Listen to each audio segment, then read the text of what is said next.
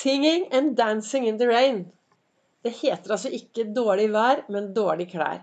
Og uansett hvor vanskelig livet synes å være, er det alltid noe du kan gjøre og lykkes med det. Velkommen til dagens episode av Begeistringspodden. Det er Vibeke Ols. Jeg driver Ols Begeistring. Er en farverik foredragsholder, mentaltrener. Kaller meg begeistringstrener og brenner etter å få flere til å tørre å være stjerne i eget liv. Tørre å ta styring. Tørre å være seg selv. Jeg har nå laget podkastepisoder hver eneste dag. Nesten siden mai. I går klarte jeg å gjøre Alt var klart. Den skulle legges ut.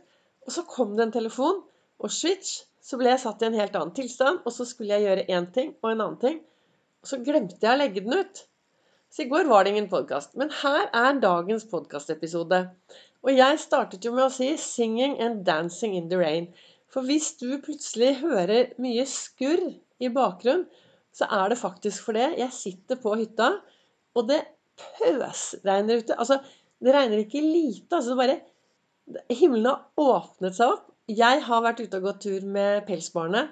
Jeg sitter her gjennomvåt, men jeg blir jo så glad. Jeg blir så godt humør av det. Og det som jeg leste i min kalender i dag morges, der sto det Uansett hvor vanskelig livet kan synes å være, er det alltid noe du kan gjøre og lykkes med. Og det er Stephen Hawking som har sagt de ordene. Og det er noe med det at hvis du lager en bank på alt det du klarer å gjøre, hvis du bli flinkere til å gå på skattejakt etter det du Når du gjennomfører ting, når du føler mestringsfølelse og gjør jevnlig de tingene, så vil du jo sakte, men sikkert få mer mestringsfølelse på det du har rundt deg, og det du driver med. Og jeg tenker i hvert fall for meg er det i hvert fall viktig når, når det er Hvis livet plutselig synes å være bitte lite grann vanskelig Det skjer jo. Det skjer, det skjer med alle, altså. Selv om vi er flinke til å legge frem og legge ut noe helt annet og snakke om noe annet, så jeg har per i dag, når jeg møter mennesker sånn ansikt til ansikt, øyne til øyne, øre til øre Jeg holdt på å si munn til munn, men når man virkelig har gode samtaler, så har jeg per i dag aldri møtt noen som bare livet smiler til. For livet er livet. Altså livet. Hva er det som er livet? Jo, det går jo opp og ned. Det er jo det som er livet. Og Det er derfor det er så spennende å leve. For det, det skjer bra ting. Det skjer utfordrende ting. Det skjer dumme ting. Og så er vi til stede oppi alt dette, og så lager vi oss gode og meningsfylte dager. Og disse gode og meningsfylte dagene, for meg så er det de dagene hvor jeg virkelig tør å være til stede i mitt eget liv. Og det er, det er litt rart dette, for det, jeg vet at en episode tidligere så snakket jeg om dette at hva som helst kan plutselig skje. Hva som helst kan skje hvem som helst, hvor som helst og når som helst.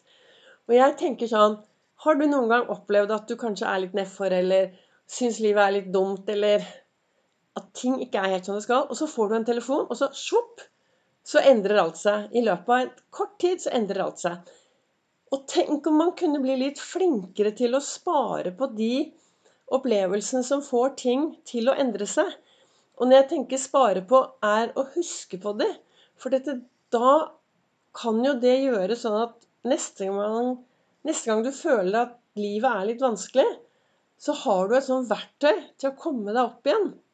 Det er i hvert fall sånn som jeg bruker hver gang jeg har gode opplevelser. Så er jeg litt bevisst på å legge merke til det. Av og til så stopper jeg til og med opp og sier 'wow, tusen takk'. Jeg kan eh, gå en tur, eh, se noe pent, eh, møte et hyggelig menneske, ha noen gode opplevelser, og så sier jeg takk. Jeg takker livet. Wow, takk, sier jeg. I dag morges var jeg oppe supertidlig. Jeg fikk ikke i natt ble det så dårlig søvn. Så jeg, når klokken var eh, kvart over fem, så fant jeg at jeg like gjerne stå opp. Og så gikk jeg en lang tur. Veldig lang tur. Jeg skulle egentlig ta meg en joggetur, men det fungerte litt dårlig i dag, så da ble det en lang tur. Gikk Olsmila rundt omkring her på øya. Og det var helt stille. Altså ikke et vindpust. Det var ingen mennesker. Og jeg bare gikk. Og det er sånn da snakker livet til deg. Hvis du tør å lytte. Jeg er i hvert fall sånn, Min opplevelse da er at når jeg er ute og går på disse turene, eller jogger eller sykler eller hva jeg gjør Men jeg er veldig til stede i mitt eget liv. og i naturen. Ser, lytter. ikke sant? Ingen mobil på, ingen musikk på øret. Ikke, ingenting som kan distrahere meg, annet enn det som faktisk skjer her og nå med meg. Og da, da er det livet. Og da snakker Jeg tenker i hvert fall at da snakker livet til meg. Da får jeg de rareste ideer. Jeg får eh, Jeg blir kreativ. Jeg kjenner glede. Jeg kjenner takknemlighet. Jeg ser ting i naturen. Jeg opplever at Jeg opplever til og med at dyrene kommer nærmere. I dag hadde jeg Her er det masse dådyr her nede hvor jeg er. Og jeg traff på babydådyrene og mammaene som var veldig nære meg. Og jeg, jeg så derfor, altså, hva skal jeg egentlig si? Du vet, Når jeg setter meg ned og snakker, så har jeg kun dagens sitat foran meg, og så begynner jeg å prate. Og så kommer det som kommer. Jeg, jeg, er så til stede at jeg vet knapt hva jeg snakket om for to minutter siden. Men for meg, så jeg, meg er det veldig viktig å hver eneste dag lage meg masse gode opplevelser. Og være bevisst på å lage disse gode opplevelsene. For de gir meg mestringsfølelser. Ikke sant? Og gode opplevelser for meg er også det at jeg går litt ut av komfortsonen hver dag. Tør å være litt modig på forskjellige måter. Og kjenne at jeg lever. Og når jeg da er til stede da, i mitt liv og er bevisst disse tingene, så sier jeg tusen takk. Åh, dette var bra. Og så kan jeg skrive det ned. Eller jeg tar, når jeg er ute og går, så tar jeg opp mobilen, og så snakker jeg det inn. Det er mange som spør herlighet, Vibeke. Det blir jo litt mye sykling og gåing og hopp og sprett. Ja, sier jeg. Men du vet, mye av det jeg driver med, gjør jeg jo fordi jeg har dysleksi. Og de bare sånn Hæ? Må du sykle 100 km fordi du har dysleksi? Ja. For du skjønner det at eh, for meg å sette meg ned og skrive er helt umulig. Da kommer eh, tiden fra skolen opp når jeg bare hadde røde streker og aldri klarte å skrive noen ting. Men når jeg er ute i naturen, så kommer det så mye ideer til meg. Gode tanker. Jeg løser ting, jeg ser ting. Og da drar jeg opp mobilen, og så snakker jeg det inn på mobilen min. Sånn at eh, jeg har noe å jobbe med når jeg kommer hjem. Men akkurat når det gjelder disse podkastene, så klarer ikke jeg å sette meg ned og lage et manus. Jeg kan kanskje skrive noen stikkord. Men det blir eh, For meg er det viktig å kunne sette meg ned bare snakke til deg ut ifra hva som kommer opp i topplokket mitt.